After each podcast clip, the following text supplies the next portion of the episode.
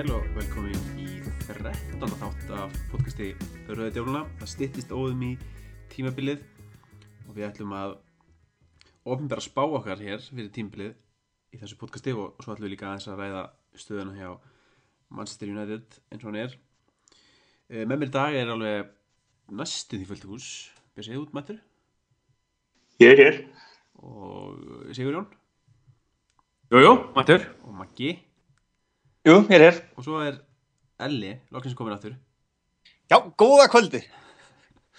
Herru, við sem sagt hendum í bara löflegt að spá hávísindilega, þar sem við gáfum uh, liðinum frá fyrsta til 20 sæti sti, stig og eftir liðið fær 20 stig og, og liðið sem fell, er í fall, neðsta fallsætinu fær 1 stig og svo röðu þessu svona upp og, og þið getið séð spána á síðun okkar og við ætlum aðeins að, að bara ræða örstutum fallsætin og, og taka svo smá umræðum top 6 þannig að við, við byrjum bara á, á fallsætinu við spáum sagt Bornumóð falli neðsta seti, 20 seti Lester í 19. og Norvits í 18. þannig að tvö að þeim liðin sem uh, kom upp falla að okkar mati uh, Bjössi uh, af hverju þessi lið Þetta verður bara óskup erfitt hjá þeim. Ég, hérna, ég reyndar, ég spáði þessum sem nákvæmlega, næst nákvæmlega Svissaði, Lester og Norwich. Uh, þetta verður mjög erfitt hjá Norwich og Bournemouth. Það var aðeins styrt sig en ekki nóg og ég held að þetta vantir hinlega bara tradísjónu þannig. Uh, Lester valdi held ég lang, rangan þjálfara til að bjarga sig fyrir að falli þetta árið og fyrir vikið þá og vegna góður að kaupa þá ætlar Votvort að slefa slefa það að halda sér í dildinni þetta er annars það getur hver sem er af þessum fjórum liðum farið niður og, og, og hérna uh, ólíkt restinni. Ég var með Aston Villa hann á næstur og ég held að þeir getur líka farið niður ef að mjög auðveldlega ef eitthvað, eitthvað smá fyrir úrskeiðis. Þetta er, þetta er óskup erfið staða hjá þessum neðstu liðum og, og, þau eftir að þau eftir að ströggla svo er það bara kannski tveir, þrý leikir í februar, mars sem geta bjarga liði og, eða, eða felta Einmitt, um, Maggi, hvernig var spáðan þín í þessum neðstu liðum? Já, ég var með Bournemouth í 20. seti og Leicester í 19. og reyndar í 18. var ég með hérna, Vestbrumans Albion Nú, þeir eru búin að, búin að daðra við fall ansið mörg tímabili annars er þetta bara millimetra spursmál og hvað lið hérna verður þriðja lið niður? Já, þú ert að gefa það skýn að Tony Púlis verið reikin á tímbil því hann er ekki að fara að falla með neitt lið. Já, ég meina hann hefur verið reikinn áður þannig að björga lið þannig að eða hætt, þannig að ég já, við sjá, sjáum til. Einmitt. Uh, Elli, hvað getur þú sagt okkur um Burnham Uh, nákvæmlega ekki neitt. Já, þetta er það sem held ég allir allir þessum fylgjast eitthvað með ennsku deildinni hérna, ja, við, við, við vitum hver Eddie Howe er. Já, það er rétt. Það er málið sko, Bournemouth er, er þeir eru smá fínæsir þannig einhver rúsi sem á klubin og er búin að setja svolítið peningið á ekkert, ofbóðslega en, en samt svona aðeins meira heldur en sem er og, og það það er eitthvað sem bjargar þeim þá getur það verið eða þú er rétt að menni viðbútt þá, þá getur, en, en, en þetta er bara mjög flott. Eddie Howe er, er dýlingur hann á skrættir bönlegi held ég í hálft ár en er búin að vera þannig stjóri síðan innan við 30, ég held að það sé eitthvað 34 núna eða eitthvað svolítið og hérna það fer svolítið illa með hans repp ef að, að Bormóð fer, fer hérna fer illa út úr þessu en það er eina það eina sem skipta máli hennar niður Einmitt. Hann er nú talin gríðarlega efnilegu stjóri og, og ég veit ekki, ég var svolítið bjart sitt ég setti á í 15. seti, ég held að geti átt gott tímbil en eh, vísu er ég hérna, ég gerði það áður en ég skoðaði kaupið þeirra og ég er- held ég myndi endur skoða eftir, eftir það, þeir eru að fá hérna Artur Borg, Silvan Distan Federici Tyrone Mings og Joshua King sem var nú ekkert hérna mála hjá Master United. Og jú reyndar að fá þér Kristján Atsu á láni, það er nú kannski svolítið spennandi kaupin. Þetta er nú ekki neitt merkilegt sko. Sérstaklega þess að horfum með okkur við Votford eins og segður á sem verðist að hafa gert ansi góð kaup tímbilinu Já, já, Watford sko eins og Bormóð Watford er með smá pening ítalkana ég maður rétt. Já, og hérna það getur skipt rosalega máli og svo eins og ég segi, ég var að spá Aston Villa þeir myndu dara við þetta og það fyrir rosalega mikið eftir í hvað að gera við peningin þeir eru búin að fá núna 40 kúlur. Einmitt. Já, já, svo muni eitthvað eitt, þessum liðum sem eru svona rótgróin alltaf, það er alltaf eitt af þeim sem daðra við fall sko, hvort það verið Sönderland eða Astonvilla eða Vestbrómis Alpíðan það verið eitthvað af þessum liðum já, þetta er, eh, þetta voru falletinn en þannig að við kíkjum aðeins á top 6, það ætla að fara nú ekkit að koma mikið óvart hvernig við spáum því en, en við byrjum bara á byrjum bara á hérna uh, sjötta sætinu, það er við spáum Tottenham þar. Eh, Sigurjón, veistu eitthvað um Tottenham? Getur þú sagt okkur eitthvað um af hverju þeir eru lenda í sjötta sæti frekar en fymta sæti eða fjóra sæti? Þetta er bara tóttina með sig alltaf reynd á hverju ári sko. Það er hérna, ég held að, sko, Liverpool er eiginlega finnst mér svona stærsti hérna óþekta staðan hérna og þú veist, Liverpool getur lent eitthvað staðar, þú veist, á milli, ég held að það fara nú ekki hófari fjórða en eitthvað milli fjórða og, og sjönda sko og hérna, og þar svissast á kannski við, við spörs sko. En ég held samt að hérna Benteke muni skora nú eitthvað fyrir Leopold þannig að þess vegna spáði allan að ég Leopold í fymta og Spurs í sjötta. Ég held að Spurs svo sem þú veist, það hefur ekkert verið eitthvað, verið eittir og þá óheimju hvað, var það fyrir síðast tímafili eða fyrir tímafili þar á undan, maður það ekki þessu þar á undan, já, og síðan þá hefur þetta eitthvað veginn ekki kannski verið að slípast saman eins hratt og menn vildu eða, eða bara ekki yfir höfu þannig lað þannig að ég held að þetta verði bara svona voðalega svipuð annað svipa tímabil sko, þeir, sko, þeim þeir eru ennþá hreingerningu eftir það tímbil og, og losa núna til þess menni svo Paulinho og Holtby og Capoue svona gauðir sem komu akkurat hérna, þegar þeir seldu beil og þeir kaupa þeir eru bara búin að kaupa þrjá leikmenn og tvo miðverði og eitt bakverð og þú veist þeir eru 15 miljónum í pluss uh, í leikmannaköpum í sumar. Og svo Soldano virðist vera að fara og, Já, og, og sko- ekki það, það skiptir nú engum máli fyrir þá en Nei, en, en sko þannig að maður kannski býst fastlega við að þeir kaupi einhver, einhvern hérna einhvern mann. Og við náttúrulega eigum það í fyrsta leik og kannski stóra spurningi með Tottenham er náttúrulega Harry Kane. Það var frábára síðast tímbil en, en nú náttúrulega kemur ljósa hvort hann getið eitthvað því það geta allir átt eitt gott tímbil en þessir sem eru, eru taldi verið jafngóður hann eiga fleiri góð tímbil þannig ef hann skorar veist, ef, ef þetta er eitthvað one season wonder hjá honum þá hérna þá Tottenham bara lendi í vandræðum á tímbilinu held ég ég held að þetta sé ekki one season wonder strákur sko, ég held að hann sé alveg það er bara spurning hversu mörg tíma hann spila með spörs í viðbót sko. Já. það held ég að sé aðal, aðal spurning ég held að þetta sé alveg strákur sem að hérna, sem að muni hann, hann er með rosalega nef fyrir fyrir því að skora og, hérna, og það er bara ég held að við munum sjá hann í einhverju af, af, hérna, af hinnum toppliðunum inn, á innan við 2-3 árum sko, klálega Það, það þarf ekki 2-3 ár sko, ef hann stendur sig aftur vel jável sem að vera ekki ja, rosalega vel og núna. Bara ef hann, hann klúrar ekki þessu sísóni þá fer hann næsta, næsta summa bara alveg 100% garantera. Levi nær einhverju svaka sunn út úr já, sko. já, já, ég meina hann getur orðið í rísaköpin okkar næsta summa já, þess vegna. Menn þess að sko það er bara þannig. Við, við getum tölum um þetta. En við eigum, alltaf, við eigum núna pening fyrir einu rísaköpum ári lefi við þetta en, en ég spáði sem þetta ég spáði tóttanum líka í sjötta seti og, og, og Liverpool í fymta það geti ég, basically það sama og, og Sigurjón sko þeir ég held að tóttanum hann nú ekki ofar en fjórða en, nei, en, fymta en þeir getur náði ef, að- ef að Kane skorar og skorar. Einmitt. sko líka aðtilsversta með hérna Tottenham, ég var að kíkja á þetta í dag og þeir eru bara búin að spila eitt leik á undirbúinstýmpul uh, tóku hérna MLS All-Stars uh, á 5. dagi var töpuður ekki þeim leik töpuð þeim leik og svo tóku þeir einhvern, einhvern tíma bara þegar þið mættu til æfinga 12. júli eða eitthvað, þá tóku þeir einhvern strákandi sem voru þá komnir, tóku einhvern leik við, þú veist, Peterborough eða eitthvað og nú eiga þeir núna uh, hvað á morgu þriðdag og, og, og þá miðvikudaginn tvo leiki í þessu Audi Cup á móti Tottenham og nei, Real Madrid og ég man ekki hvað leið Bayern og eitthvað og.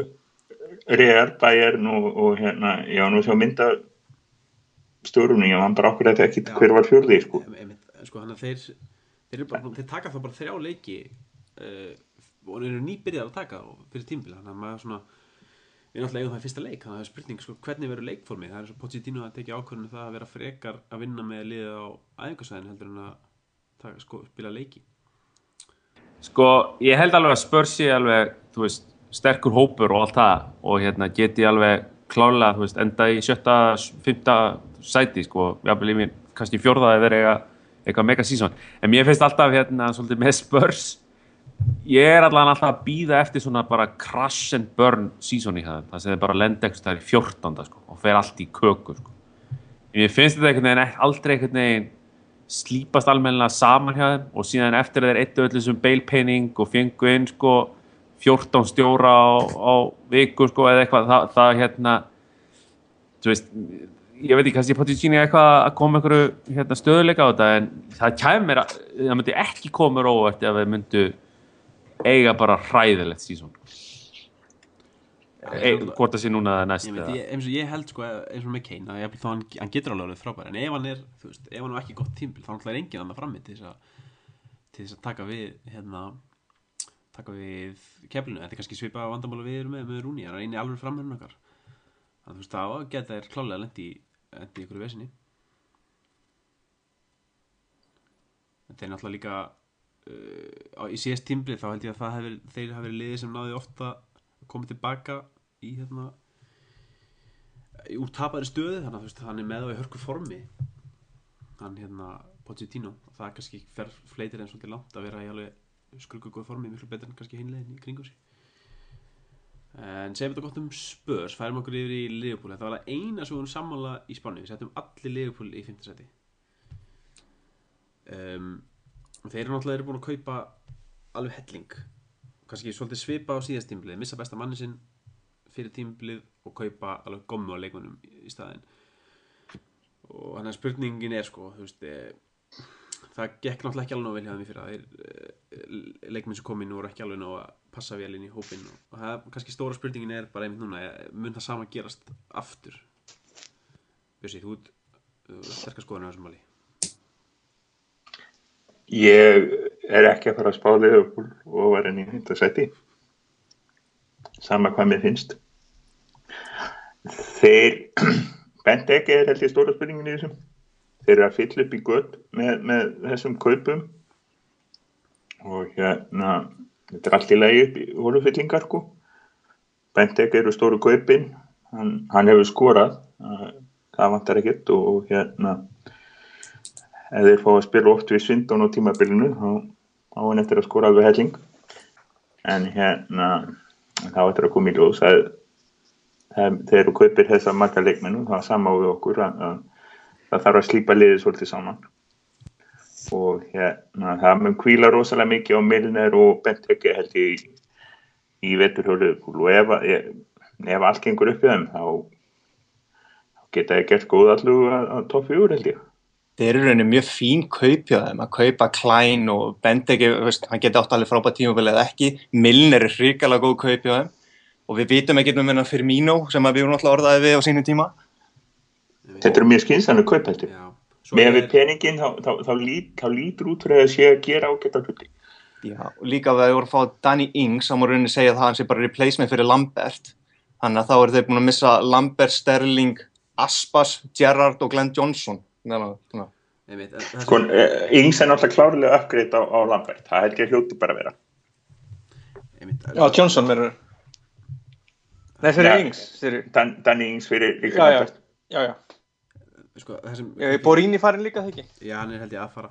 En sko, það sem mér finnst þetta svona kannski stærsta spurningum ekki er sko Þetta er- er allt, þetta er allt góð ágætis leikmenn og, og, og þú veist, þeir eru örgulega allir framför yfir það sem fyrir var á síðast tímbili En hversu mikil framför er þetta skilur?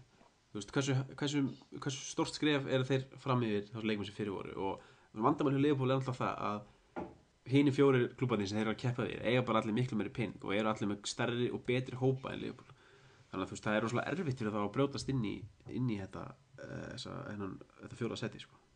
þeir gerðu það náttúrulega þegar þeir voru með langt besta mannin í deildinni. Og þann, þannig fóru þeir að því að á, á brjótast inn í sama það. tíma og öll hinn liðin voru toppliðin voru að eiga slæmt tímbil þannig að við, fyrir nú örglega í toppfjöguliðin núna á eftir og, og hérna en það þarf eitthvað af þetta toppfjöguliðunum að eiga slagt tímabil. Til að Liverpool fari í toppfjögur Já, sko, Leopold náttúrulega er ekki með neitt svona, hérna, marquee player, eins og við kalla það. þú veist, ég meina við höfum verið að sjá hérna FIFA leikina til dæmis að þeir, þú veist á Breitland segjum þá notaði Jordan Henderson sko til þess að representa þú veist, Liverpool sko það er náttúrulega ekkert eitthvað vola þú veist, flassi leikmaður sko, þannig lað en hérna, þannig að þeir eru alltaf verið að hérna, svolítið að, að gamla með þetta að þú veist að þeir nái sér í annan Suárez, skilur svoleiðis, þeir geta náttúrulega eins og tryggum minni stáði náttúrulega er bara ekki með fjármagn eða bólmagn að hérna að keppast um sko þessi stærri nöfn sko. Nei, mér finnst þessi kaupurunni bara festa þá í fymtasæti, þetta tryggja en það fyrst mér frá nokkurnu algjörlega, samanlega því. Svo náttúrulega er Rodgers menn náttúrulega vildi bara fá hann preinlega út eftir síðast tímbil og hann er náttúrulega, hann, fekk, hann fengið vinnufrið í sumar en þú veist, ef þið byrja illa tím, tímbilið og með klopp þarna vofandi yfir atvinnuleysan, sko, þá held ég að pressan getur orðið óbærileg í upphæði tímbils ef þeir, þeir, fara eitthvað illa á stað, sko. Já, já, það verður það alveg klárlega. Það, hérna, það verður komið svaka hitti í stjórnismenn ef að ef að þeir verða ekki hérna í í topp fjórum sko í til dæs byrjun hvað segja, byrjun november, desember. Þeir eru með alveg, þeir eru náttúrulega líka í Európa-dildinni þeir eru með alveg risastóran hóp, ég er að skoða þetta eru eitthvað 30 leikmenn eða eitthvað. Og þar af eru svona 15 leikmenn sem geta að spila á kantinum, þetta er rosalegt Ég sé alveg fyrir mér ef að það gengur akkurat illa, segjum að við myndum vera í tíundasæti eitthvað tíðan í desember eitthvað svona, þá get ég alveg séð Liverpool bara reka Rodgers-loksins sko, eftir, eftir svona mikinn hitta núna undan farin tímaður. Tíundasæti, ég held að þau eru vallanum að sko vera í sjöunda í desember. Ef þeir, ef þeir eru ekki sko within sight, e, ef, ef að fjörðasæti er ekki beinanins í sjónmáli í desember, þá rekaði Rodgers til að fá nýjan mann til að kaupa í janúar. Ég held að það sé rosalega grund á, á pressunni sko, að grund á þessu sko, að menn muni fara aftur að snúast. Ég er ekki að, maður er ekki að segja sko að þeir verði í veist, eins og ég sé, ég spáði þeim í fymta og ég held að þeir sko, ef það gengur vel, þá, þá, þá, þá verður þetta betra en, en hérna, en ef það klikkar eitthvað hérna, þá verður, þá verður mjög hljótlega sko, Eka Rodgers og Rodgers Auto eitthvað svona, það hjálpar ekki. Já, ég myndi hérna býðum bara eftir því að þetta veri afsannað hjá okkur hérna. Uh, færum okkur í topp fjóra sko. ég held að endur áður við byrjum að færa þetta ég held að það sé nokkur ljóst sko, að uh, þetta var frekar jamt það var munið litlu á, á stegamun og ég held að öll þessi lið geti unni titilinn og þetta geta öll endi fjórasettan ég held að þetta verði við skulum ekki taka þessu sem einhvern heilan sannleik. En við spáðum kannski kemur ekki óvart Arsenal í fjórasetti að þeir muni endur enda vengjarbyggarinn þeir hafa náttúrulega ekkit þeir stóðu sér vel á fyrir síðustipli voru svolítið þéttir og, og hérna breyttir svolítið til voru loksist komið með hann kokkulegin sem er svona varnar, varnar miðumæður sem hefur, þeim hefur vantað í alveg mörg ár. Og voru svona aðeins niður í stórleikunum hættu að bara reyna að spila sín bólta fóru þú veist, fóru að taka svolítið svona taka hinlegin í leksíuna með því að vera bara líka tilbaka og við sáum það kannski líka í, í góðgjörskjöldunum um helgina þeir voru minna með boltan en Chelsea og, og, og voru bara sáttið með að vera vera á kantraþæknum þannig að vengjar kannski virðist hafa loksins lært eitthvað að menn þurfi ekki alltaf að spila fallega bolta, alltaf. Og þeir hafa náttúrulega gert þú veist, ég held að sé, þetta eru líklega bara bestu kaup tímbilsis á einhver lið, það er að fá check það í markið sko. það er samanlega því Svo sannarlega, svo maður sá, mað sá það bara strax í Chelsea-leiknum, bara hvað það var mikil, mikil ró hjá vörnin, vörninni í þeim leik. Ég held að hann muni alveg bara öruglega einn bestu kaupin þetta tímafili. Sko. Algjörlega, þeir eru með sko, þú veist, e, ég hugsa að þið myndu fá hennan topp framherja sem þið verðast vera alltaf við hvort, þú veist, Benzema, þú þetta ólíklegt að þið fá það, en þið fá eitthvað svoleiðis framherja þá er þetta lið orðið alveg ve verulega stert sko. þá er þetta orðið bara eitt besta arsenalið sem maður séð í, í langan tíma og, þá geta þeir orðið geta þeir gert uh, verulega góður hluta á þessu tímli maður bara háls meiku þegar þessi orðrómar um Benzema hann var í flugvelinu og leiðinni til Arsenal. Þá var maður bara háls meikur út ef hann kæmin í Arsenal-liði núna þá er þeir bara title contenders, það er ekkit öðru í sig sko. Ég heiklust sko, ég spáði mig þriða reynda Ég er reynda spáði mig ég spáði mig annarsettið persónulega vegna þess að ég held að hérna þetta Peter Check dæmi sé vegi miklu þingra heldur en heldur en já þó svo menn sé að tala um þetta sé kaup sumansins þá heldur þetta sé bara þú veist, eitt bestu kaup sem Arsenal hefur gert síðustu ár sko. Og hérna ég held að þeir hafa ekki mist þú veist, neina leikmenn, þú veist, mikilvæga leikmenn. Og það sem er meira er að, að þeir verða að allan vonandi fyrir þá að þeir verða kannski með Theo Walcott heilan í vellur. Og hérna og ég tel nú líka Oliver Giroud er, er hérna er hörku framherji, ég skil akkur, ekki, akkur eru ekki að spila hann frekar en Danny Welbeck, en það er bara ég. En hérna, þannig ég tel þá vera virkilega title contenders í, í vetur persónulega. Já, algjörlega, það er hérna þú veist, bara hópurinn lítur vel út og mér segi eins og kannski að þið fá hann fram meira þá lítur þetta verulega vel út í það þannig að kannski ekki að ræða fleiri orðum við það. Þriðasetti, það er City, Manchester City. Um, sko þeir hafa gert hvað, tvö kaup Störling og, og Delf og svo eitthvað Tyrkja sem fór strax á lán. Þú veist, og svo hefði losnað við Negredo og Milner og eitthvað svona.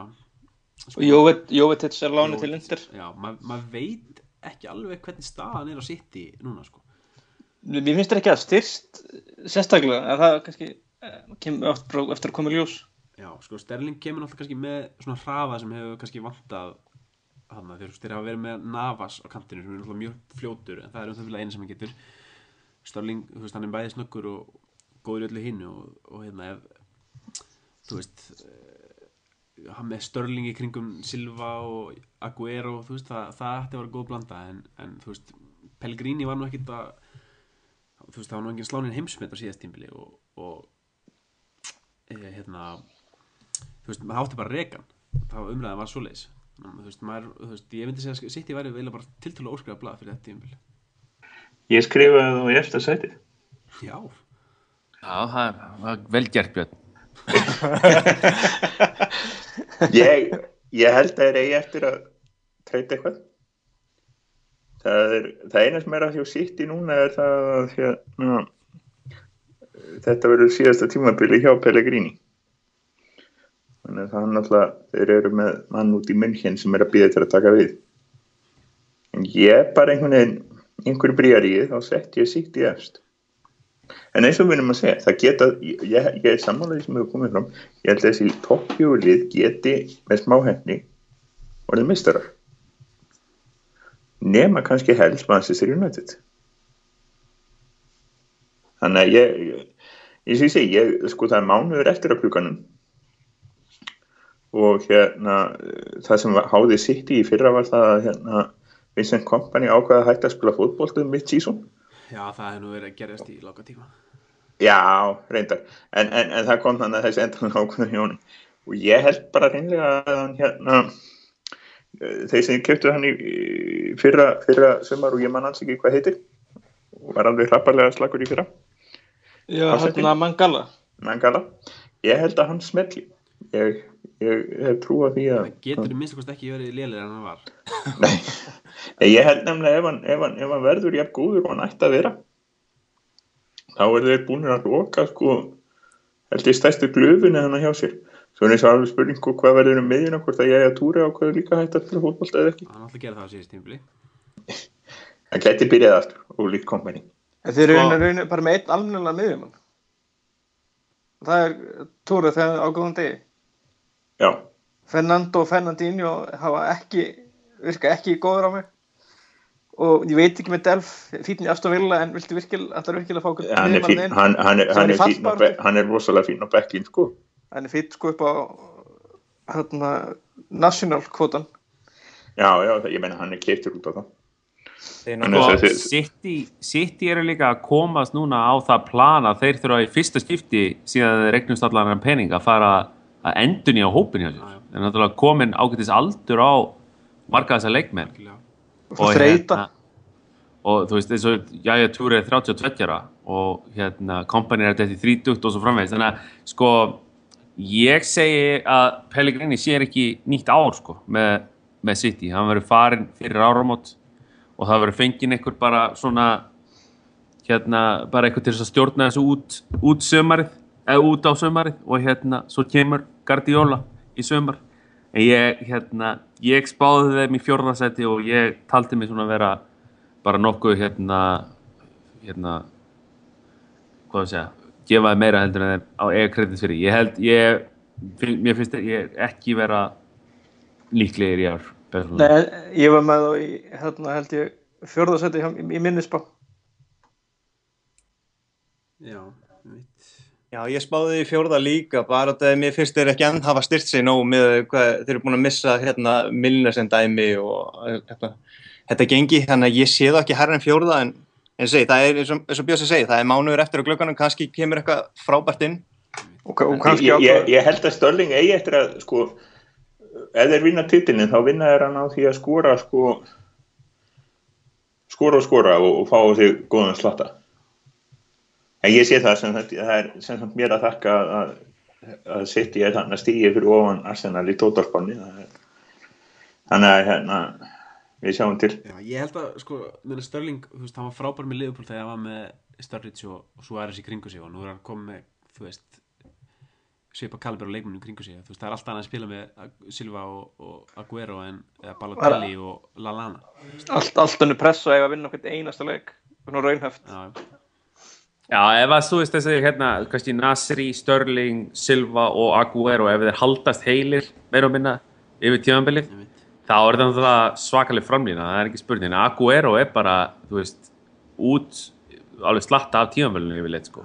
Hann er þannig Kaliber leikmann sem getur bara dreigið þitt yfir línuna. Hann, veist, hann er svo Van Persie gerir okkur 2000 og Já, já, 2013. algjörlega. Hann getur unnið titilin bara nánast eitt, sko, Ég menn, hann er ef hann helst á- til. án, án, án Eva besti framherrin í einsku deildinni í dag, það er ekki spurning. Ég veit, herru, Fyrir auðvitað Balotelli í þetta. Þeir eru utan balótelli. já, svolsög. Sitt í uh, óskrifablað, segjum við. Uh, öðru seti, þá spáum við okkar mönnum um United. Strákar, tökum bara línuna af hverju við erum Master United í öðru seti. Byrjum á þér, uh, Maggi. Já, ég hérna, samkvæmt mí- mínum hérna, glósum, þá er ég búinn að skrifa sko, að Manchester United yrði í öðru til þriðja, en það færi eftir að þeir eru styrt í þessa líkastöðu sem að verið svanta leikmenn í. En ég held bara að við erum með bestu miðun í deildinni, sko langbestu og bestu breyttina líka. Og sér bara þarna horfur liðin í kringum okkur. En náttúrulega vörnin er veikilhekkurinn og svo vitum við ekki hver verður í markinu og svo er vantar okkur breytti på topp þannig að ég ég held að svona, já. Þetta er svona að, til þannig að 2-7-1 taktikinn mun vera mjög nöðsynlega fyrir United í vetur. Já, tveir, se- eða, eða, eða bara 3-7-0 Ég veit, uh, Bjössi. spáðu þeim öðru sæti. Og til þess þarf allt að smella. Ég hérna þetta er það sem ekki það miðjan verður loksins þétt og, og það mun hjálpa sko ef við meiðumst ekki eins og í fyrra ef meðslinn í vörninni verða ekki eins og í fyrra þá erum við strax komið helmingi betri vörn en við vorum með í fyrra. Við kaupum ekki mann.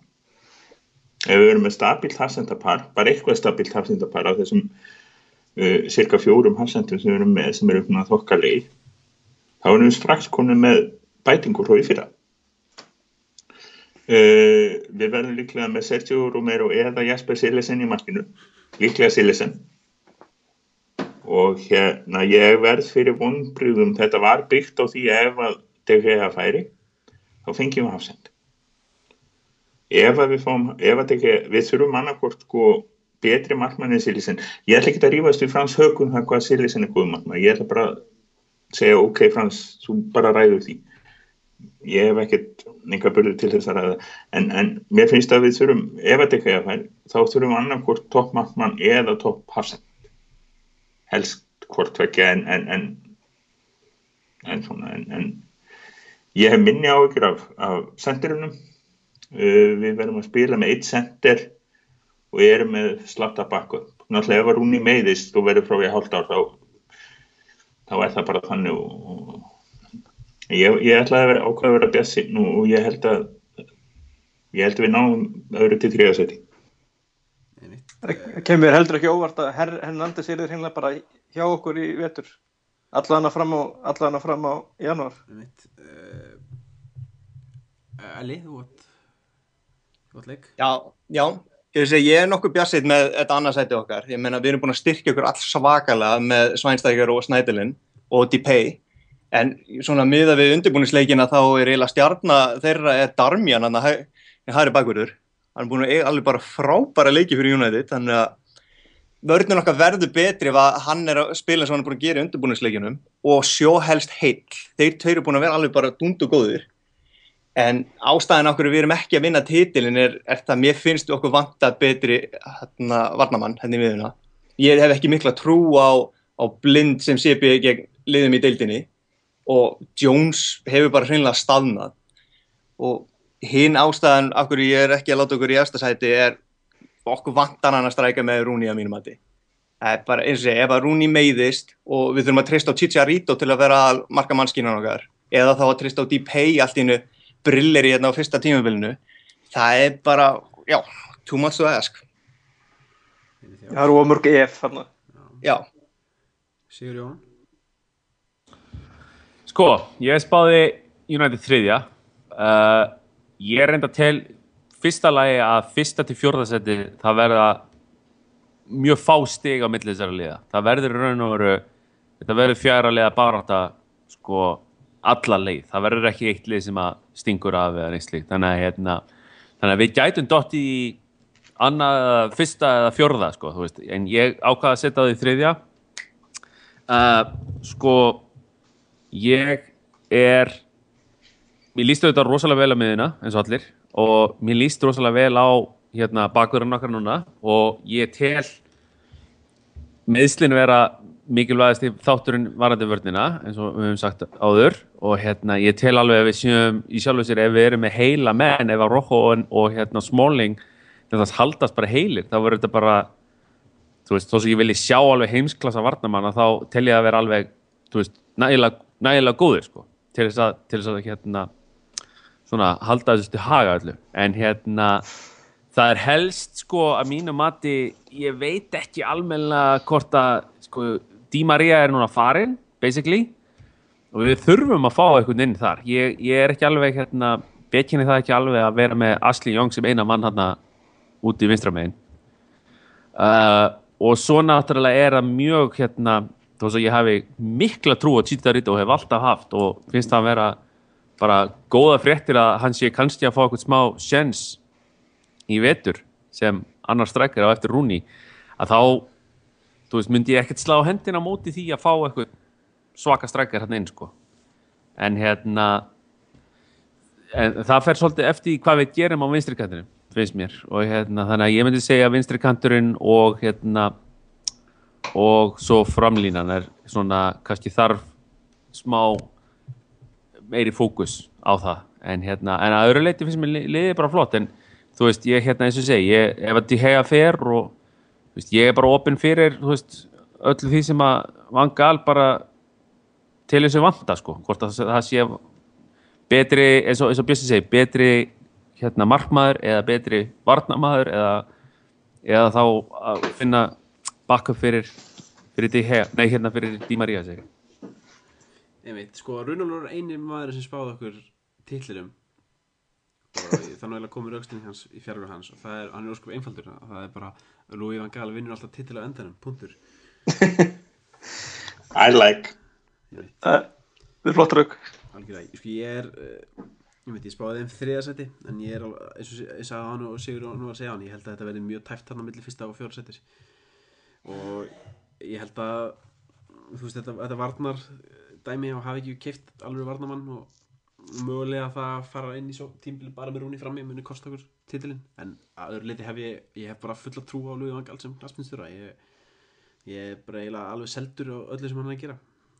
Og já, þannig að það er svona það er svona mín, mín sína á þetta mál. Tökum þá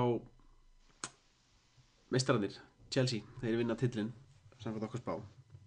Nömlega Eh, þeir hafa nú endur ekki verið að brasa mikið á leikmannamarkana þeir eru búin að fá þeir eru búin að fá Begovic Danilo Pantic sem er miðumæður og Nathan sem er miðumæður og svo okkar mann Radamel Falcao. Sko, er þetta nóg til að til að styrkja sig í í lið sem ætlar að vinna titilin aftur Við minnst þér ekki að styrkt sér neitt sko En þú veist, hérna, ég meina, þeir voru svo miklu, miklu betri heldur en önnur liði fyrra.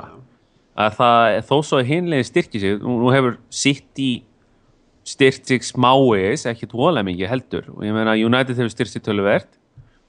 Þannig að ég tel alveg að, að, að hérna, Chelsea séu bara, þú veist, að, að slípa hópin betur saman og, og hérna, og verði bara svona betur smurð vél, jável, í hérna, í vetur. Þannig að ég, ég er svona sem sé ekki alveg hérna að þeir þurfu að fara út og kaupa eitthvað svakalega leikmenn sko til þess að halda titilvórum í gangi sko. Nefna, svo náttúrulega fenguðu Falcao sem skóra 30 mörg núna í vetur. Þessi gullfallegi maður, gullfallegi maður. Og guðminn góða sá hann á móti Arsenal Já, ma- ég kannaðist við hann, ég hef séð þessa tilbyrði áður frá, Þarna- frá, frá United eða frá frá, hérna frá síðustu, síðustu. 12 mánuði sko ég, ég er, ég er átlæðirinn aftur hérna, ég setti það í fjörðansetti Nó, Já, Björn. já, ég er Þetta er bara að vera einræða að bjössa. Hvað það vonum við? Langa. já, hvað mig langar til að hendi nei, ég, og sko mér, þeir hafa ekki bætt við sig uh, þeir eru með sko eða kaupa John Stones og hann er til að spila fullt af leikjum en þetta til hljóta verið á síðasta snúning þannig að í vörninni þó að John Terry hafi verið æðislegur í síðasta vettur hann á ekki mikið eftir. Hann er náttúrulega 35 ára ekki? Já, það- hann getur sko ákveðið að hætta að spila fótból það svo ég segi það í þriðaskipti nú í kastinu.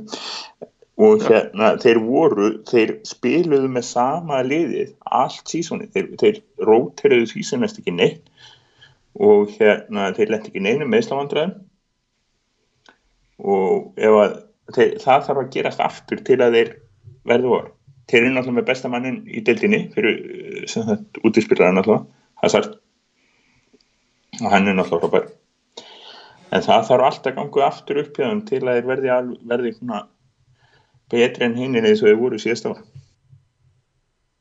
Já, það fellur menn ekki miklu trösti að Viktor Moses er kallar inn í hópin og verið einhverju líki hlutverki hjá þeim eða einhver svona einhver hlutverki hjá þeim sem ekki Hann verið verður náttúrulega samfærandi bara eitthvað vara, eitthvað vara maður sko. Já, þeim. Já, hann er búin að vera, þú veist, ósamfærandi múið að lána, ég veit ekki hvað meðal hans hvað hjá Liverpool og, og Stoke og veit ekki hvað ég bara sé einfallega ekki Mourinho lenda í fjórðasæti. Það er bara ekki hægt. Nei, ég spá hann um toppin með, ég held að það verið rosalega tæft, sko, það verður- þetta verður ekki samfærandi, þeir va- mun ekki valda yfir þess að Nei, þeir Nei. unnu alltaf deildina á síðast tímabli bara á fyrstu þreja mánuðunum Já, þannig að þú veist, ef þeir uh, ég held að þeir fá ekki jafn mikið forsk og þú veist, man- þeir voru deildi City og Chelsea voru þetta jöfn um áramótin og svo stungu þeir hérna, þá hann alltaf ákvæmst City bara að hætta að spila fótbolta.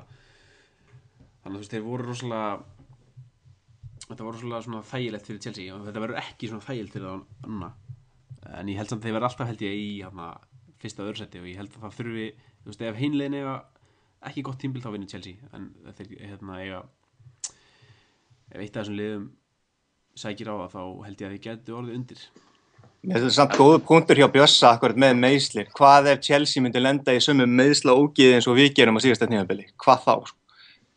þá erum þeir við þurfa ekki að missa nema tvo þrjá menn það það er bara þannig, þá er það alveg farið hjá þeim. Þeir eru ekki, mjög sérstaklega breiðan hóp.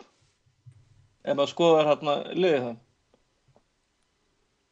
og það er ekki nema að þú veist ef að Hazard og Terry og uh, eru frá og þá náttúrulega er- eru þeir með hvað Zuma og, og Nathan Súma er reyndar sko, hann, hann, hann lofar hann er góð Það er alveg hörkuleg maður sko. Er nefnilega, hann, hann hefur setið á bekknum nátt í allt fyrra, hérna, ja, fyrra vetur og svo er hérna uh, hvað heitir hann áttur hérna? Ekvadorin hérna, það að megin. Kolmimann kvadrat Quadrato Hvað er þetta? Quadrato er, Quadrato, er verðist bara vera heillum horfin, þeir eru að reyna að selja hann líka við. Já, maður kannski gefa þetta hann náttúrulega kom Sko, ég reyndar sá eitthvað vittal við Mourinho í fyrra það sem hann svona hjælt í fram að hann væri ekkert að búast við einhverju miklu frá honum þú veist, strax, þá hann náttúrulega keftur í janúar í, fyr- í hérna á þessu, þessu ári hann sagði það verði ekki fyrir á næsta tímabili það sem að ég hérna, það sem ég ætlast til þess að fá eitthvað frá honum sko, almennilegt. Nei, svo, er hann, svo fær hann treyju nummer 11 sem er náttúrulega undanfærin ár og mikilvægt, mikilvægt númer hérna hjá Chelsea. já, ég held alveg að það sé, hann sé alveg þú veist, hann er líka hérna fjölhæft kvikindi getur spila alls þar? Já, svo er náttúrulega með Viljan og Oscar sem að svona eru stundum að rótera bara inn og út sko, stundu byrjar á bekknum og stundu byrjar inn á þannig að þú veist, ef að Hazard meiðist til dæmis þá eru með þessa tvo alveg sem að hörku leikmenn sem getur komið inn þannig að hérna En, en, en þeir eru náttúrulega ekki alveg á sama level. Það er ástæðan fyrir Nei, að nei, ástæðan fyrir var náttúrulega að þeir voru með sko frábæra markmann, frábært hafsendapar sem spilaði alla leikina, Hazard og Costa.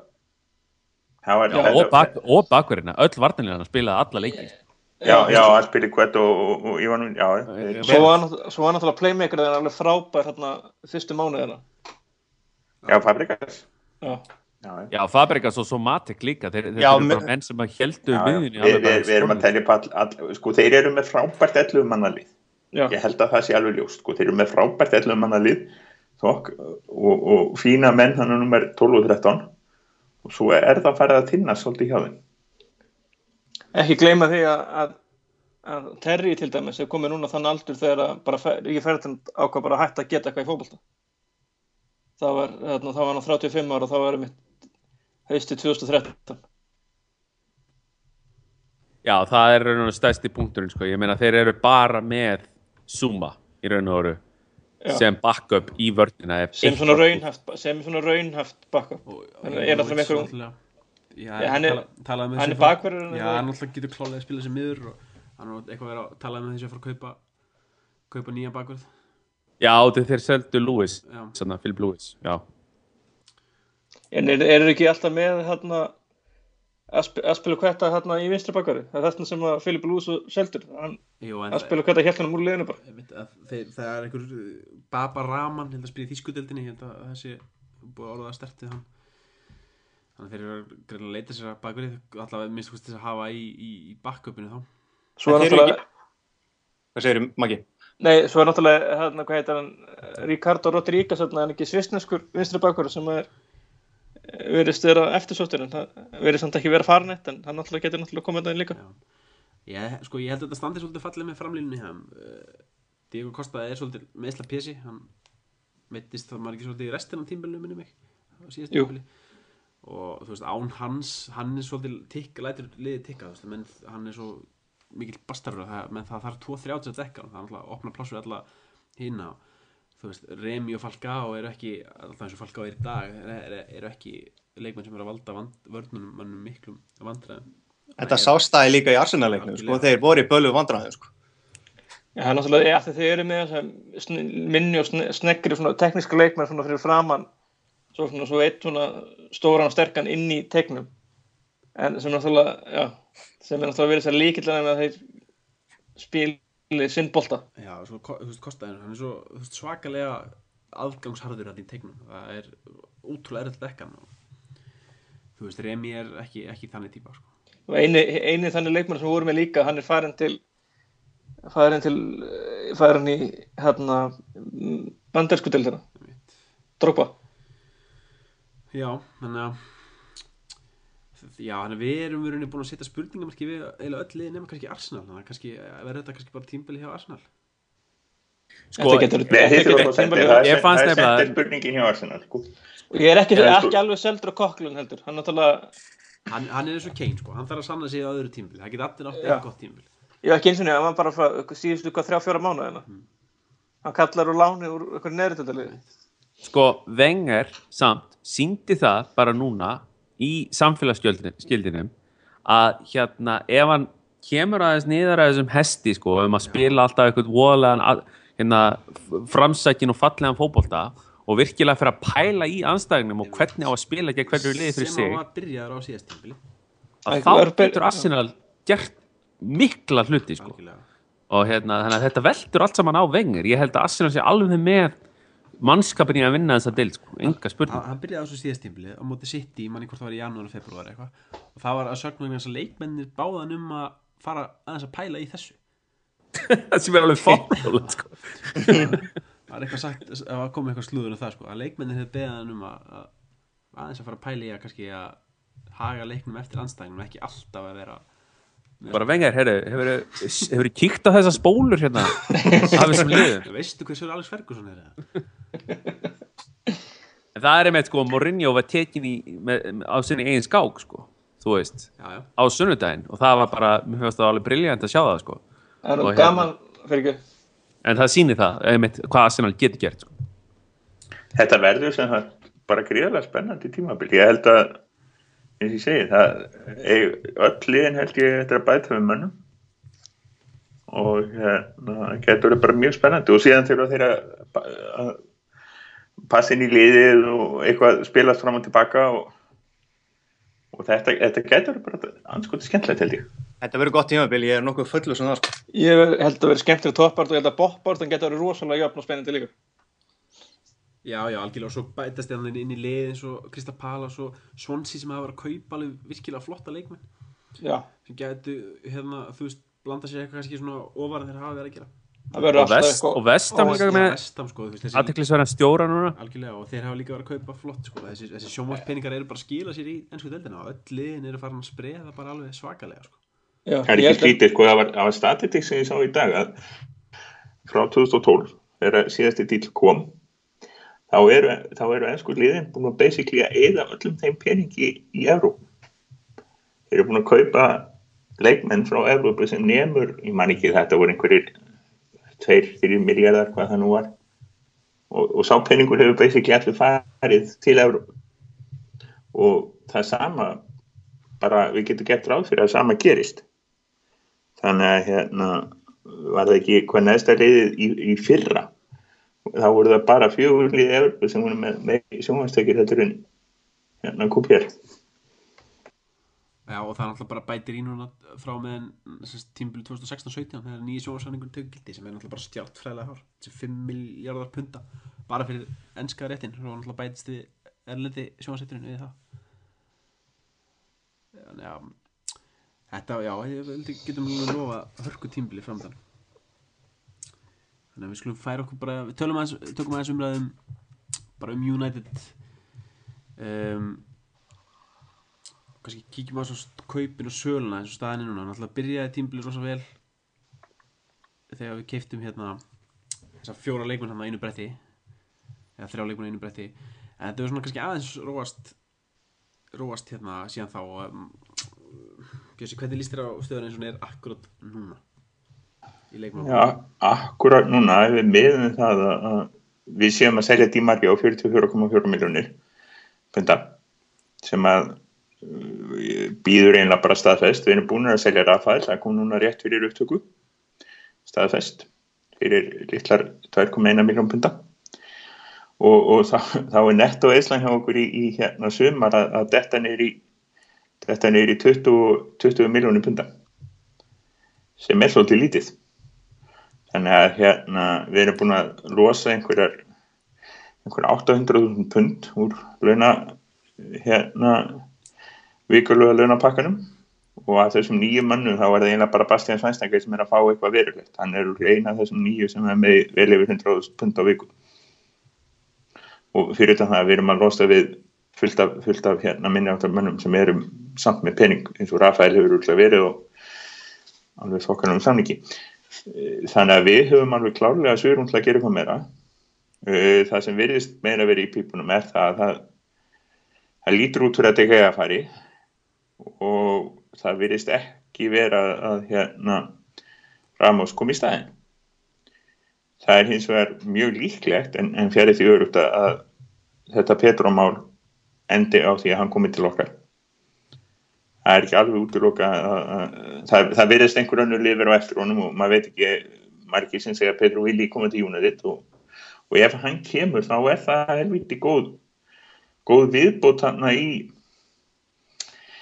já, hann getur spila allar stöðuna þrjár fyrir aftansendir þessum þetta í, í, í, hérna, í þessum fjóru, tveir, þrýr einn, þá getur hann að spila allar þessar þrjár stöður og, og já, vel svona einhvern sendir líka ef, ef að vill að hann er skorar duglegur strákur, best aldri þöl reyndur og hérna ég held að hann, hann sé ekki alveg eins mikil dúkka eins og komið ljósa að held ég meðar ég var.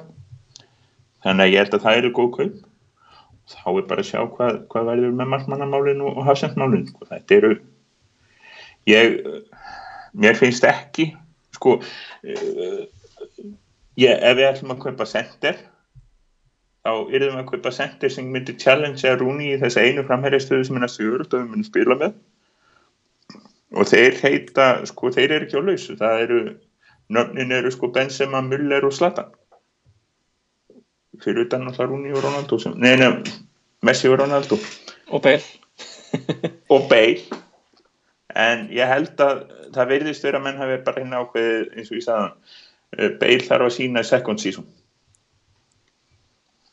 En, en ég, það er erfitt að vera ekki búin að að klára, klára markmannsmálin og, og hérna það gæti komið í baki á okkur en, en mér finnst bara að miðjukaupin styrkja okkur svo að, að svo miklu leiti Memphis verður bara þrælflottur Pedro í því þrælflottur vote for him og hérna svo erum við með Pereira á kantinum og bæknum svo erum við með hérna mér þetta æðislega gaman að Jesse Lingard fengi að vera með í hóp allavega fyrir jól.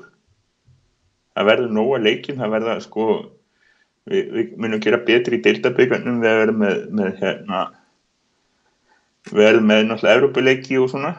Þannig að hérna þannig að ungustrákunni fá kannski sens allavega að vera með liðinu fram að, fram að jólum, fram að janúr og, og þannig að ég ákveða að hafa ekki alltaf mikla ráðgjur af hérna af þessar einu framherjastöðu. Það er bara ekki annarkort verðum við með Rúni einan frammi og, og Wilson og Hernandez á bekknum eða þá við kaupum einhverja einhver hjút sleikmann og, og sem, að, sem að var klárlega að var menn voru að byrja víurnar í Müller en hann er bara ekki að fara að koma Nei, ég held líka eitt sko er að ef við sleppum með Rúni eina framherja ef við kaupum leikmann eins og Bale eða þannig típu sem að getur alltaf búið til mörg og það er ekki endilega að vera fremstuð maður til þess. Það er náttúrulega spila svo inn í, finnst mér líka. Ég held ekki að sko Gaal hefði, hann var að tala um forward þá er hann ekkert endilega að tala um framherja eins og alltaf að tala um, þá er hann bara að tala um mann sem getur spila hann framála vellinu sem er til dæmis Pedro. Til dæmis Petro, já Petro er, væri mjög spennandi sko. Já, ég var nú svolítið að segja það, sko, Björns, ég er ekkert á, á því að DG sem fara. Ég held að það sé alveg frekar ljóst að klubburinn ætlar að sér að vera harður því að fá þá Ramos í staðin eða eitthvað topp Já, viðvörð. já, já það, voru- það voru fréttir sko frá Spáni sem Já, að veist, meina að Fangal væri að linast. Já, ég, þú veist, bara Maður treystir, það er rétt hjá þér að treysta því ekki. kaupið því, kaupið það bara ekki neitt, sko. DG hefur ekki, ólíkt í María, hefur ekki gert neitt til þess að trúa, láta mann halda það að hann sé bara að púla eitthvað svona, heyrðu, ég ætla ekki að mæta. Þú veist, kortir, kortir í mót, sko. Ég held að stærsta vísbyttingi verði núna á lögadaginn þegar við mætum tóttar þá sá sem ef að einhver annar er í markinu heldur en ekki að þá er hann farin annars held ég að hann myndi verið bara áfram Það er góð. eða, eða bara á varamannabekknum ég myndi líta alveg afskaplega illa út úr United þau myndi gefa upp núna sko. Já, ég er alveg saman því, en sko eina, eini sensin að hann sé að fara er, er ef hann púlar eitthvað eins og Di Maria og neytar að spila og mér finnst það bara ólíklegt að hann gera það sko. Já, ég, hann er ekki karakter í það sko. hann hefur spilað þetta allt öðru sig en, en eh, hérna, Di Maria En það er samt alveg sko, eins og Bjössi hérna, minnist á með þessar fréttir frá Spánu það, sko, það, það má svo sem alveg ræðum það hversu mikið er hægt að treysta honum sko, þú veist, ef hann er ósáttur við gang mála og svo frá en ef hann er, þú veist, glugginn er klár hann er búinn og hann er ennþá mastur nætti þá er hann aldrei að fara að spila eitthvað illa það er eða framundan og hann ætlar sér þetta sæti. Nei, það lækkar náttúrulega bara hérna, gildi hans ef hann fer að sínunga það menn þá getur bara minkað áhuga frá Real. Þú veist, tala mikið um ef þessi nýju markmann hjá þeim fara kannski, e, þessi nýju hérna, Garcia hérna, ég, þú veist, ég held að sé bara það professional hann sé ekki að fara þú veist að hann kannski eins og þessu æfingarleikjum þá kannski, þú veist, er hann ekki alveg að leggja sér 100% fram en þú veist, e, þegar í mótið er komið og hann er alveg ljóst að vera áfram United þá, þá er hann ekkert að fara að slaka eitthvað á. Hann var fítna með þetta pæri samt einn hérna mistökur það var nú freka dabra þetta PSG en síðan er líka ekki gleyma því að Van Gaal er, er svaka stjóri. Ef að DG fær eitthvað að klikka í leikin fyrir United hann myndi taka hann og setja hann í varalið á þess að hika það. Segja bara hvað hann gerði með þarna Valdes, hann ískaldur. Va- Valdes var færður Dótið hans var fært yfir í búnin til undir 21 árs leikmanna núna um helgina. Þetta er svo, þetta er svo skemmtilega passið að gressu eitthvað. Passið! Passið er- við þetta bara Æna, sem er ekki, æna sem er passið við þetta, er hann er ekki barinn. Nei, ég meina við bæli í þessu, menn hann, Hann er passífur og hann galli aggressífur. Þetta, það, það, það er leiðandi passífur aggressífur. Það er ekki, nú, Ég meina, eins og segi, hann myndi ekki hika við það að henda DG í undir 21 árs liði sem að drepur alla möguleika DG að spila fyrir spán á EM. Já, Þannig að DG er alveg, hann verður okkar leikmann sem að ég og Tryggur náttúrulega er með veðmál við Bjössu um það hvort hann verði eða ekki. Og veist, ef hann er, þá mun hann spila vel. Hann getur ekkit annað gert. Ég, ég held að sé, ég, og ég held að sé algjörlega máli, sko, ég er alveg saman á því. En við getum hérna... við sko, getum- ef, ef að DG verður hjá okkur og spila með okkur í vetur eins og hann spilaði fyrir þá verðum við í öðru seti.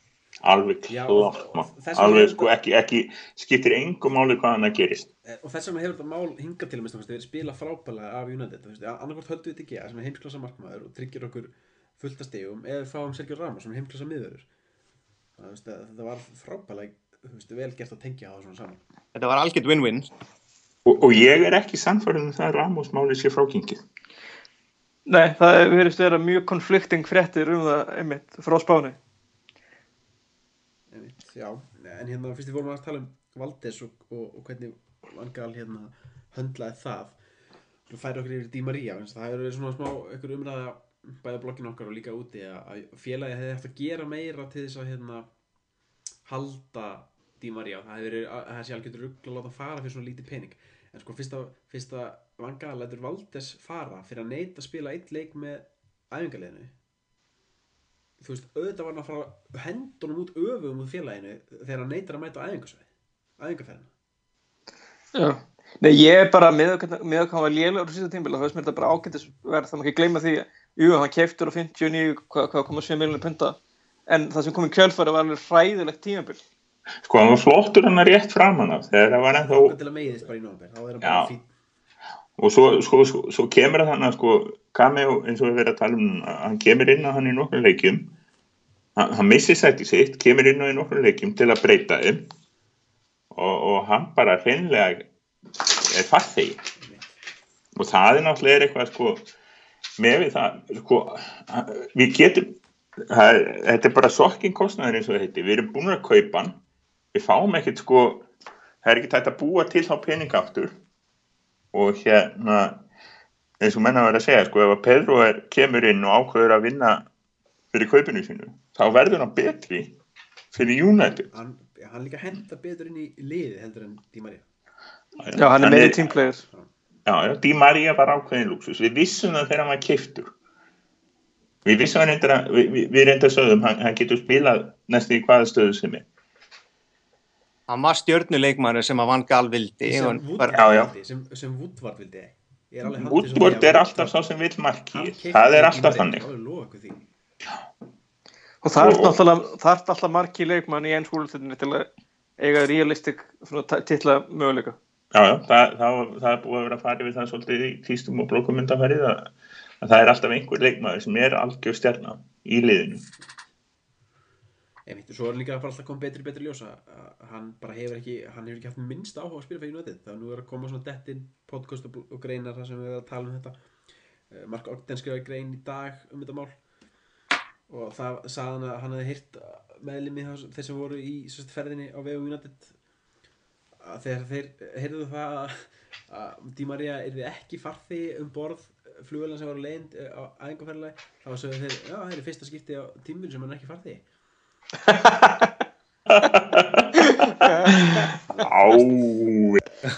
og líka þú veist ef þú fer til P PSG frá mannstnætti til PSG og heldur að það sé skref upp á við þá er eitthvað annað en knaspinnan sem er að kera þig á já, hann, hann vildi alltaf fara þangað. Það er alltaf líka málið. hann vildi bara fá helling og pening og hafa kósi og þurfi ekki að leggja þetta á hann vildi fara til PSG fyrir að þeir gátt ekki kiftan þannig að Mendes plassar honum hjá United. Og, Já, meina- hérna, og svo kemur bara ég, ég, ég, sko hann hefða sér eins og fáið til. Algjörlega. Algjörlega, klárlega. En ég get ekki verið sko algjörlega hérna skilningslaus á það. Hann, hann, hann er ekkit hann fer ekki til United með rosa enthusiasm hann er ekkit rosalega áhuga saman um að koma sagt svo meiðist hann svo brotist inn til hans og konan hans hún, hún hatar mannsistir málið er skemmt að hann var að spila illa við- þetta, þetta eru ákveðnar afsakar. Ég er ekki að segja sko, það afsakar ekki hvað hann svo gerir eða hvernig það virkar. En ég meina, þetta er samt vinnan hans. Þetta er samt hvað hann á að búa. Og þetta er ekki þrælabúri getum ekki sko veist, ef, ef, ef, sko, ef þú ert velkvæntur og konaðinn sko þú ákveður að flytja til sko ég veit ekki hvað eh, þú Ólasvík eða eitthvað að sko mannsestir er svona Ólasvík í ákveðnum skilningi allavega með til dæmis Madrid og París. Og þú veist þú farið fína vinn í Ólasvík og þú veist, hún borgar vel og, og allt í lagi en, en svo gengur bara illa og það er helviti strögg og þú veist, nágranninu er leiðinlegir og veðrið er ömuleg og konaðin er bara alltaf síkvartandi. Bara, þú gefst upp En er Ég það, ég vil er að það segja- samt staðurinn? Ég held að þetta er típist að það er típist að það vera að kenna konunum um sko. Það er reyndar, já það er, úst, það getur líka bara verið afsökun, úst, kannski handlar hann bara sjálfur. Já, en, en hann má ekki gleyma því að hann hefur náttúrulega hann náttúrulega gat sagt nei. Hann gat hann, hann hann, varði ekkert að fara til Manchester sko. Hann neitt hann ekki til þess. það var alltaf bara hluti í Mendes kapalunum á síðast tímili það þurfti að losa pláss fyrir James Rodríguez þannig að hann var bara fórnalambi í því máli ég er, er ekkert sem hann hafði haft mikið að segja um það mál. Sko, þegar, þegar Jorge Mendes segir við einhvern skjólsksenging jump, þá er spurningin how high? Vist, ef stöktu og þá bara, ok, hvað ég að fara upp á annar, þriðju, fjóruðu hæð? Vist, þannig virkar bara hérna Jorge Mendes, hann bara, hann græjar. Mér langar, langar að bara benda á eitt punkt náttúrulega, hann kemur frá Real Madrid þar sem Ancelotti var að stjórna hana og hann sa, ga, saði bara ofinbellega að hann er ekki tilbúin til að berjast til í sæti sín og þetta er maður sem kemur til okkar frá Real Madrid. Þannig að það kannski kemur ekki það mikið óvart að það er nákvæmlega saman på teinunum í okkur. Nei, Sko. góða punktur, mjög góða punktur. Já, nákvæmlega. Og líka sko, eins og Tryggvi segir, ég held að þetta hafi verið Woodward sem að hafi keft hennar leikmann meira heldur en Van Gaal vegna þess að það er náttúrulega búið að tala um það að, að hérna, Di Maria er ekki leikmaður sem að Van Gaal sko vill nota í sínu liðum þú veist, út af því að Van Gaal er svo rosalega strángur á því hvernig á að spila.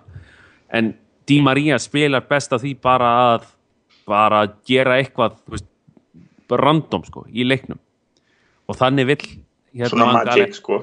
Já, og þannig vill Van Gaal helst ekki spila. Van Gaal vill spila sko, hérna svona mjög taktíst og þegar hann setti Di Maria í taktíska stöður að þá gekk ekkert upp hjá hann og svo vil ég líka bara segja það elsnögt að þeir sem að er að hlusta frá Ólasík sendi bara mail beint að bjössa það er björn að rauðutjöflandi.is Já, ég og eftir er ekkert ólusíkur ég er enga veginn sammála sem bulli í drengnum.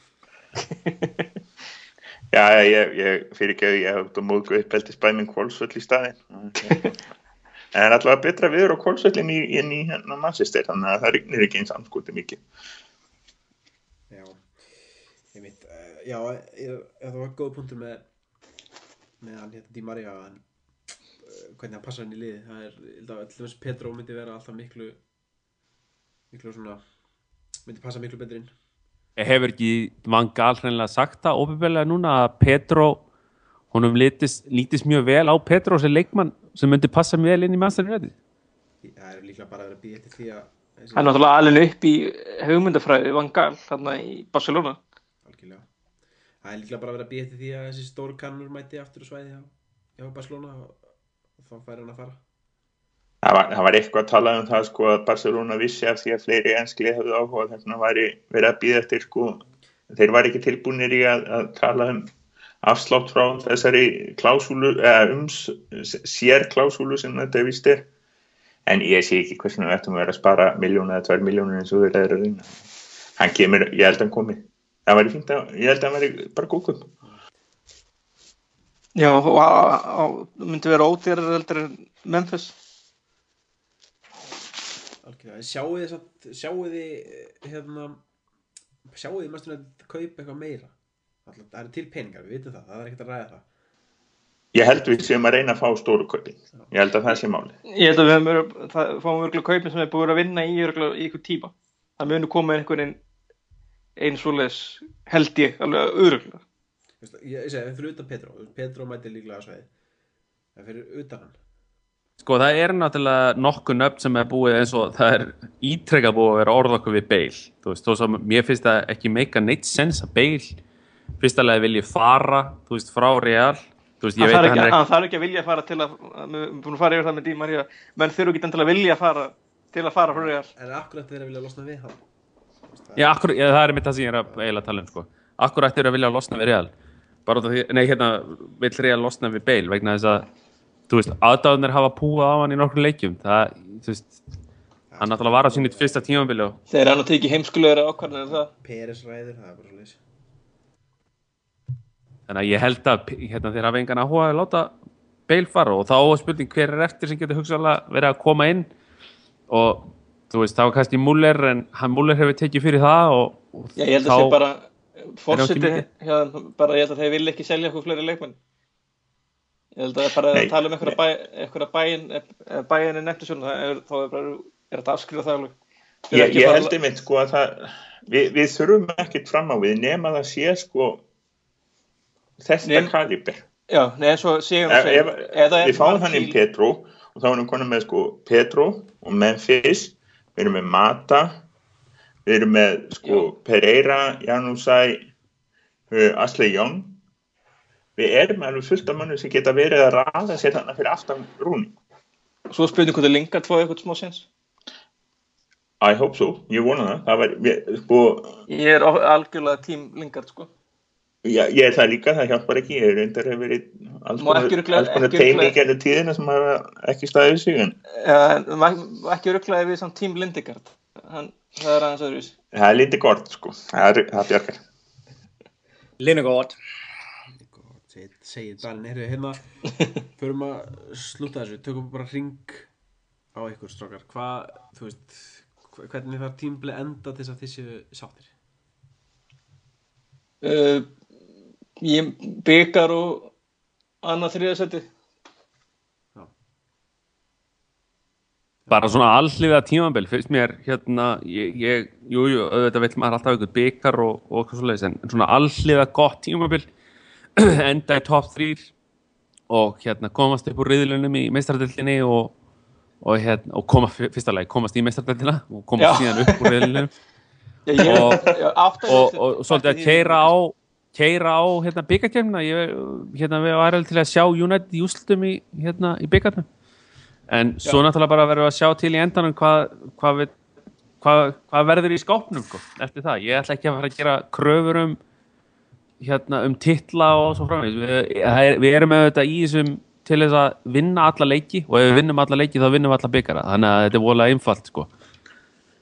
Fjókbalt er og það er það er leitt. Já. Já, Bjössi? Ég vil sjá undanúslita úslit í báðum byggakennum. Ég vil sjá fjórðungsúslitin í mestaradildinni og ég vil sjá sko topp þrýr og eiga ennþá sens allavega svona fram í til páska, fram í apríl. Og hérna og þá er ég sáttur. En, en hérna það er ekkert gefið en þetta, þetta er eh, allt minna þá hefur eitthvað klúrast annarkvort kaupin það sem er eftirlifir af glugganum eða eitthvað. Eða, eða, eða fann kvæl annars er ég að sjá núna að Pepe vantar launa eitthvað hjá Real Madrid þannig að það ég, verður ég orðan nenni ekki að fara í annan slíkan dans með hérna, leikmann hjá Real Madrid. Þetta er allt í lagi, við höfum, það verður mánuð eftir að þessu til skoði. en, já, ég, sko, þetta er bara sísónu það sem á virkilega challengea og hérna, ekki endilega, sko, ekki að reyka fann kall og við erum ekki meistarar, en að gera virkilega allu að topp og virkilega vera, sko, þess að ég segi, undanúslit í, í deltabyggarnum, undanúslit í byggarnum og, og annar hvort úslítaleikurinn er eitthvað sem við hefum alveg geta gert. Við erum konum með alveg mjög breiðan hú hann gals þarf að læra svolítið held ég á, á og hann læri það held ég í fyrra. Á, á það að að byggja kenninu skipta máli og hvernig við ætlum að nota það en hérna þannig að hérna þá þá held ég að vera í lagi. Ég hef svona- trú trú á þessu. En þarna, Vangaldi varnar í í byggjarkjartunum, náttúrulega, hann stilti náttúrulega upp sterkur liðið móti MK Dons. Í rauninni, miðað Já, við, skulum- eh, gæðið eigða, þessi leikur bara gerist ekki. Nei, en ég að segja sko upp á um, varnar. um hvað er maður ekki að tala? Er, Þetta er náttúrulega er miðað við liðið sem að spila hann bara hættu þessu bara, við við veitum ekki hvað það er Eli, hvað þú- hvað þú þitt? Já, ég er eiginlega bara sammáleikur öllum bara með það hversu langt við viljum ná. Aðalega sem ég er að hugsa er það, þú veist, við sáum það á síðasta tímabili að við erum byrjað að halda boltanum miklu meira. Nú vil ég bara fara að sjá okkur skora mörk úr þessu. Það var helsta vandamáli fyrir að við vorum ekkert að skora mörk og þú vorum með á 70% boltan. Ég hef ekki skapa ná mikið færi heldur. Já, og það er málið. Leiðu við fyrir að nýta það að actually fara að búa til færi og fara að skora mörkin, þá erum við að fara að keppa á öllu stöðum. Það er engin spurning um það. Þannig að það er svona mín helst ósk. Við erum búin að kaupa þessa miðumenn núna sem að verður hjálpa vörninni og skapa fleiri færi. Nú vil ég bara sjá mörk. Og maður líka ekki gleyma því að að Van Gaal saði þetta náttúrulega sjálfur þegar hann tók við United þetta væri 30 ára projekt sko. Núna er hann að fara á sitt annað ár þannig að það verður að vera framför frá fyrsta árinu og svo getum við fara að gera kröfur um titla alveg, þú veist, virkilega að gera kröfur um titla á þriðja ári sko, að mínum að því. Já, ég er saman Algjörlega, ég, já, ég er kemur á orti, ég er alveg samanlegur uh, Já, ég, það sem ég vil sjá er bara svona sannfærandi tímbil þetta var svolítið mikið ströggl á síðast tímbili ég vil að sjá okkur bara, þú veist, taka þetta bara fagmennsku og vera hérna í topparatinni bara allt sísonið og vera í sjens hérna í, í lokin. Við þurfum ekki að vinna titilin en við þurfum að vera hérna kringum hann. Og svo vil ég líka sjá bara mjög sannfærandi allegu í mestradeldinni ég, þú veist, mér er er gaman að vinna byggarna en mér, mér finnst, þú veist, ég vil frekar að vinna ná betri árangri í hérna mestraröldinni Já, fyrir ég, ég Bjössa... verði til, ég verði til ég að dett út í sko hann að fyrstu umferð eftir jóli að við fáum FA byggar ég, ég, ég, ég þrái FA byggar þetta er, þetta, er, þetta er alltaf smá hérna, obsession hjá eldri mönnum en, en hérna hann skiptir með það málu og ég hef fárán þetta það svíður enn þá þegar eru töpuðin gegn Arsenal og hérna ég vil sjá FA byggar Já, ég, ég vil bara segja það, mér langar að ná lengra í mestadeildin heldur en PSG ef að tíu meður er ég að fara á. helst bara að fá það í riðlakefni og raskella Það er málið. Já. Ég, ég hlakka til að sjá Rafael. ekki, ef ekki þá getum við farið í hópferð á því á þegar að Olympic Lyon hérna tekur PSG sko, Já. þetta lorið agent, Rafael hefur sínt að Liverpool til dæmis hvað honum finnst um þá sem er á móti í United. Já, þetta lorið blankt drasl er ekki fara að gera raskat því maður er að verða hún bara góður sko. Að fá Petro til að tækla Di Maria aftur og aftur, það nei, væri... nei, nei, við látum Rafael gera við, látum Rafael gera það í deildin í Frakland, þá getur enginn sagt Algjörlega, heyrðu e, Þannig að við segjum bara við viljum að sjá liðið verið sjens í lók tímbilsins Bjössi vill byggar og, og við hinn getum sagt eitthvað við mestralina Við segjum þetta bara fínt á, á þessum nótum. Við hérna verðum að færa inn í næst bara eh, eitthvað tíðan, tveið, þrjá vikur þegar deildinni byrja og tökum við stöðuna og, og, Og líka ef kom, ef kom einhver stóri kaup þá kannski já, kannski tökum við eitt impromptu. þegar að Muller og Bale verða búin að skrifa undir. Já, og Ronaldo og, Lewandowski. Þá bara takk fyrir að hlusta